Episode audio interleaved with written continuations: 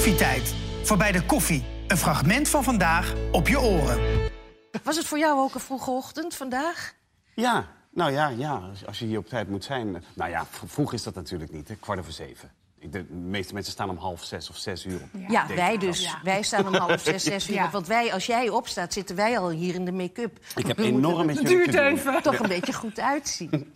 maar, maar ben je een, een, een makkelijke opstaander? Zo lekker fris? Ja, ik ben wel iemand die... Ik neem niet mijn hele dromenpakket nog de helft van de dag mee. oh, wat fijn.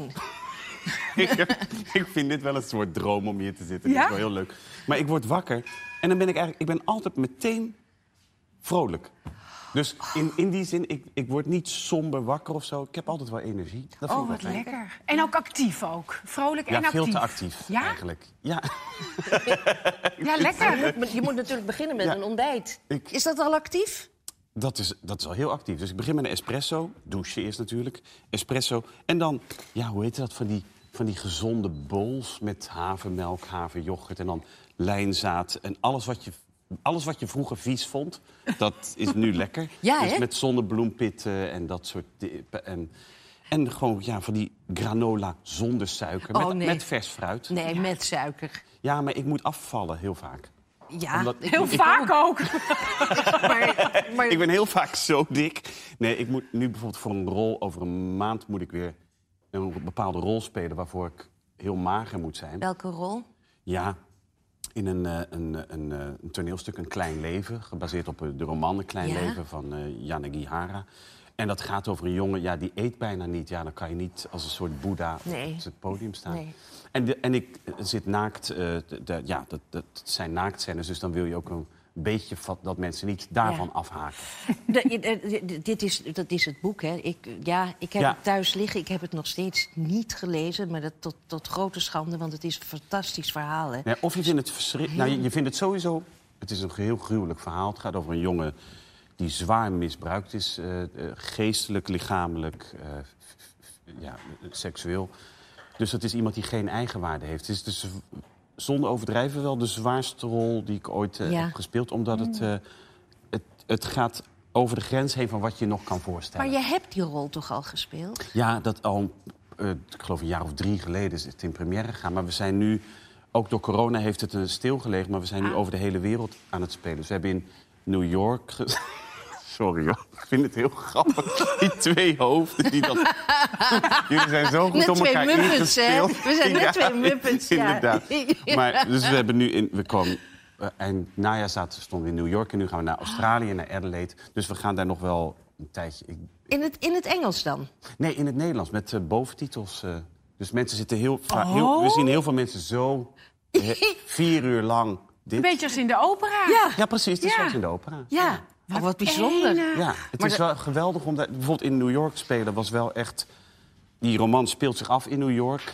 Dus ja, dat was heel gek. En gewoon acteurs die, waar je achteraf mee staat te praten. Maar dan wil je toch wel van al dat lekkere junkfood eten als je daar Nou, bent. als dat ik- kan dan weer niet. Nou, nee. Maar op de laatste twee dagen denk ik, dacht ik toen in New York... dacht ik, ja, en nu echt aankomen ga ik nu niet meer. Dus toen ging ik vreten. Ja, dan En als ik er wel. klaar mee, mee ben met die rol, dan daarna, als ik thuis ben, dan is het weer zware bieren, kazen en zo. Eh, Ja, Ja, lekker. chips. Ja, Lekker. ja, ja. Maar nu zit ik weer in de fase dat ik. Nee, dat het moet, want dat is over een maand. Maar op dit moment ben je heel druk bezig met het eh, opnemen van het vijfde seizoen van, van Oogappels. Ja, Eh, Erik, jij speelt natuurlijk Erik. Ehm, kan je al een beetje vertellen wat, wat, wat er met Erik gaat gebeuren? Waar, waar zijn leven... eh, nou ja. Nou, kijk, wat hij, wat hij heeft. Wat een beetje opvalt, is dat hij zichzelf wel heel erg wegcijfert. Hij doet Ja. alles voor anderen. Dat is zijn kracht. Maar het is ook een beetje zijn zwakte. De vraag is hoe lang ga je dat volhouden? Om, om Mhm. constant voor iedereen te zorgen dat zij het goed hebben. Ja. Problemen oplossen. Eh, ja, Zorgt hij ook in het vijfde seizoen nog zo voor zijn vader? Eh, dat zou zomaar eens kunnen, ja. Dus Ja. dat is dat. eh, ik, ik denk dat, dat we misschien wel gaan.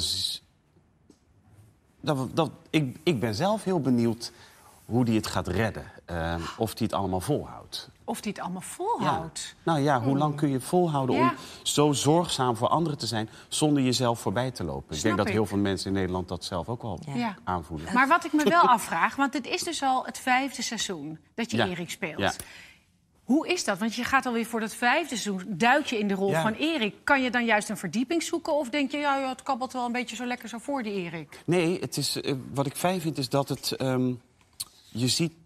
In het begin dacht ik van, hè, wie is die Erik nou precies? Want ja, hij lost zelf van alles op. Hij zegt om de vijf minuten, over tien minuten is het eten klaar. ja, en dan denk ik, ja, maar wie is hij nu? Ja. En het ging me ook een beetje... Dat klinkt een beetje gek misschien om te zeggen, maar het ging me ook wel makkelijk af. Ik begreep hem en ik dacht, ja, ja, je leert je teksten. En, en, en dat heeft ermee te maken, daar moet je aan wennen. Het is heel goed geschreven. Ja. Dus eh, eh, eh, Roos Ouwehand is, dat, is daar echt ehm, heel goed in. En dat zie je ook dat dat na seizoen wordt, dat, wordt dat meer en meer verdiept. Nou ja, Wil Koopman, de, de, de regisseuse, is fantastisch. Ja. Dus je weet op den duur heel goed... Het is een warm bad waarin je terechtkomt. En je geeft je ook meer en meer over eraan. En ik merk dat het feit dat het allemaal makkelijk afgaat... wil niet zeggen dat het... Ik Makkelijk daar- is. nou, ik dacht daardoor van... ja, misschien vinden mensen hem wel heel saai.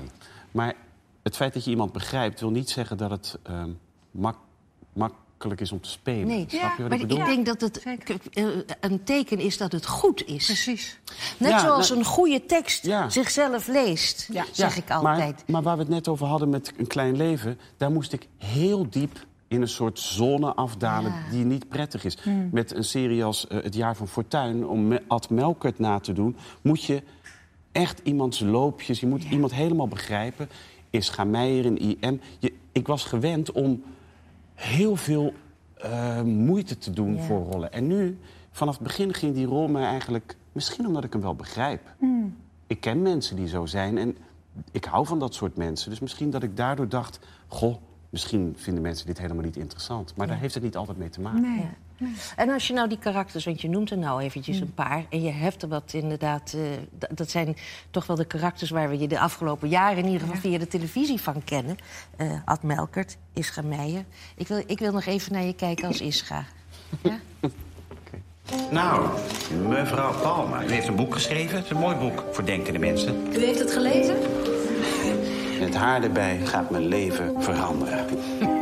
Dan wil je dat of wil je dat niet? Soms ben ik ongelukkig. En waarom? Eh, Liefdeloze ouders, de oorlog, Bergen-Belsen, holocaust, koekoek. Ik heb koorts, kom. 40, 45. Weet jij dat ik me nog nooit zo niet eenzaam heb gevoeld? Wij zijn tweezaam. Mooi, hè? Ja, ik krijg heimwee als ik... eh, eh, eh, g- dat is dus heel raar. Ik kijk naar mezelf, maar ik denk aan Ischa Meijer. En ik krijg heimwee naar die man als ik hem... Het was fijn om hem te spelen. Ja. Ik, was, ik had voor het eerst in mijn leven last van afkikverschijnselen. Dat je... Ja, ik noem dat dan fantoompijn voor Ja. acteurs. Dat je gaat die rol nooit meer spelen... en je moet weer verder met jezelf. En het was ook in zo'n bijzondere periode, want toen het werd uitgezonden... was natuurlijk net de beginperiode van corona. was net het begin van de periode van de lockdown. En ik kan je wel zeggen, voor mij waar, waar- waar- was, was, was IM een soort reddingsboei. Oh ja, ja, niet als hou niet vast. dat, Ja. dat ik eh, de, de, de vrolijke, maar... Ja, er was nog leven. en, en dat leven was ook geweest. En, En dat was ook bijzonder. En mooi, ja. Het was zo'n prachtige serie. Maar Fortuin, Ja. het jaar van Fortuin. Even, ja, ze hebben ook weer even de trailer. Maar ik wil je toch even zien nog, hè? Als- Ja, als ja, zeker. Ja, zo. Sekssymbool Melkert. De reden dat ik hier sta, dat ben jij. Politiek is een vak. Dit is het werk van een amateur. Nou ja, zeg. We zaten in Heerenveen, dus dat is nog een eentje rijden. Kom je door de polder? Ja, tuurlijk.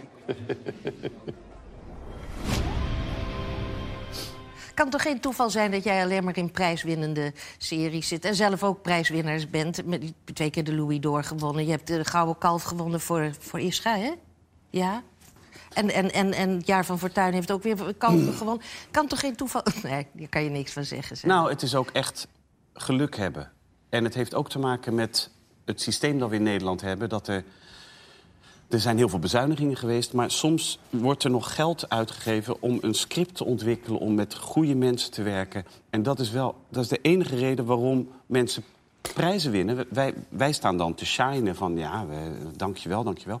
Maar dat gaat er gewoon om dat er, er is liefde en geld in geïnvesteerd. En dat moet ook blijven gebeuren.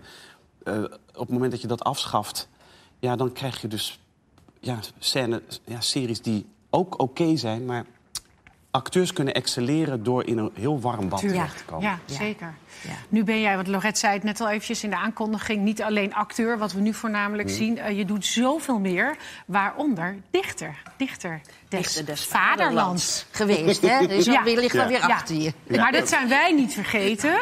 Dus wij dachten... Ja, aangezien we vorige week een eh, dichtles hebben gehad van Ja. Ellen Dekwits... die heeft nu ook een hele leuke podcast... waar ze iedere dag een gedichtje voorleest. En dan legt ze er wat over uit. En wij hebben dat dus vorige week hier bij Koffietijd ook gedaan. Dus wij zijn nu helemaal in de poëzie. Ja, dan leer je lu- luisteren naar gedichten. Ja, Wil, wil- wil jij voor ons een gedichtje? Nou ja, je vroeg het vlak voordat we hier naar binnen liepen. Oh, Het, het wordt Poëzieweek weer de, eh, vanaf donderdag. Dus het is wel leuk. Dan is Oh, er ja. net, wat, net, net wat extra Oh, aandacht voor zo. poëzie. Kijk, het misverstand over poëzie is dat je het moet begrijpen. Daarom lopen mensen er vaak met een hele grote boog omheen in de boekhandels. Mhm. Omdat ze denken, ik snap het niet, waar gaat dit over? Het is te moeilijk. Maar ik denk, je moet wij praten nu en op een heel... Je, ik wil zo duidelijk mogelijk en zo snel mogelijk he- heldere mededelingen doen. Ja. Jullie willen heldere vragen stellen. In poëzie wordt die functie van taal opgeheven. Dus je hoeft dat niet meer verstandelijk te begrijpen. En op het moment dat je dat toelaat, kom je in een soort gebied waarbij je denkt: oh, laat maar, laat maar komen. Bijvoorbeeld een liefdesgedicht dat ik ooit schreef. Het gaat over de maand mei, als de lente aanbreekt. En het begin daarvan gaat. Dat was in de wonderbaarlijke maand van bloesemingen en overvloed. Toen mijn borstkas opstoof als papaver. Ribben in sierpennen uitwaaierden. Mij, mijn magere taal openbrak. Vergelijkingen verrat als vuur, water. Nou, dat is heel weinig verstandelijk van te begrijpen. Maar dat is de manier waarop met taal omgegaan kan worden. En, het, en, en dat is dan een soort romantisch Ja, gedicht. het is wel heel Maar beeldend. het is heel Ja, beeldend. Ja. Bij, bij mij spreken die ribben heel, Heel erg, aan. want ik zag gelijk die papa van Ja, die, zo, die, die- zo, Ja, zo ja. vanuit dat midden, inderdaad. Lente zo. is Ja. iets opbloeien. Dus het gaat over... Het is dat gevoel wat je nu zegt, iets lichamelijks bijna... dat moet het opwekken. Maar ook bevrijdend, Ja, bijna. ja.